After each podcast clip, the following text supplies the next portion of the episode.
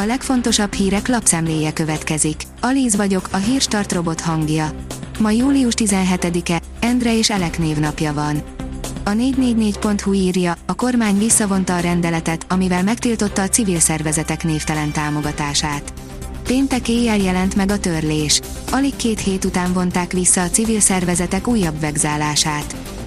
A vezes írja, drasztikus változás jön a pesti buszokon, trollikon. A korábbi sajtóértesüléseket részben megerősítve a Budapesti Közlekedési Központ bejelentette, hogy újabb viszonylataira terjeszti ki az első ajtós felszállási rendet. Az m4sport.hu oldalon olvasható, hogy jó hír, ha Ricciardo bosszús, negyedik lehettem volna.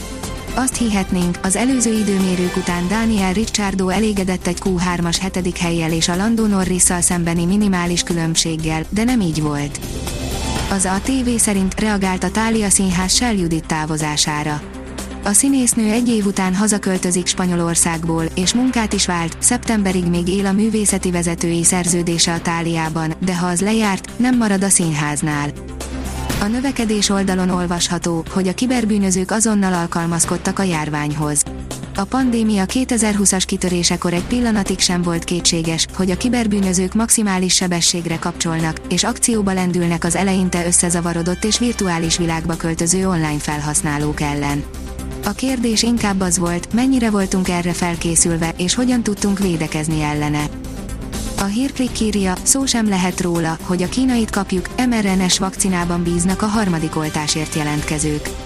Az idősebb korosztályból sokan nem szeretnék, ha a harmadik oltásuk is a kínai Sinopharm oltóanyagával történne. Orbán Viktor miniszterelnök bejelentése alapján az orvos dönti majd el, melyik vakcinát ajánlja fel a pácienseinek. Az Infostart oldalon olvasható, hogy új szabályok a netes vásárlásoknál, kemény büntetések jönnek honlapblokkolás és szélesebb körben kötelező használati útmutató védi a vásárlókat mostantól.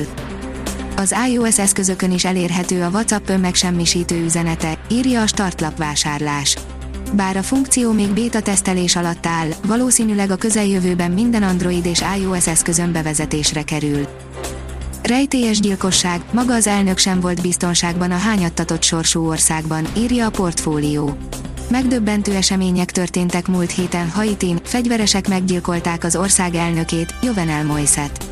Az elkövetők ellen hajtóvadászatot indítottak a hatóságok, többüket sikerült letartóztatni, a merénylet kitervelőjének kilétét azonban továbbra is rejtélyövezi. Az F1 világoldalon olvasható, hogy Perez reméli, a sprintfutamon előrébb juthat majd. Csak az ötödik helyről rajtolhat majd a Forma 1 történetének első sprintfutamán Sergio Perez. A mexikói versenyző hibázott az időmérőn, ám reméli, szombaton javítani tud majd. Harmadik kör, negyedik hullám, írja a népszava. A kormány áthárítja az újabb oltás megválasztásának felelősségét azokra az orvosokra, akik pénteken hallottak először erről a feladatukról. Sportszerű gesztus messzitől leállította az ellenfelet gyalázó csapattársat, írja a Liner. Az argentin legenda, Lionel Messi hatalmas sportszerűségről tett tanúbizonyságot a Copa America múlt heti Argentina győzelmével záruló döntőjét követően. Óriási potyagollal kezdett a horvát címvédő, írja a rangadó. A horvát válogatott kapusa óriásit hibázott a nyitófordulóban. Ez a hétvége most nem a felhőtlen nyaralásról szól, örülj az esőnek, írja a kiderül. Jelentősen enyhül az aszály. A Dunántúlon kevésbé lesz alkalmas az idő a szabadtéri programokhoz, keleten azonban sokkal nyugodtabb, napfényes időjárás valószínű.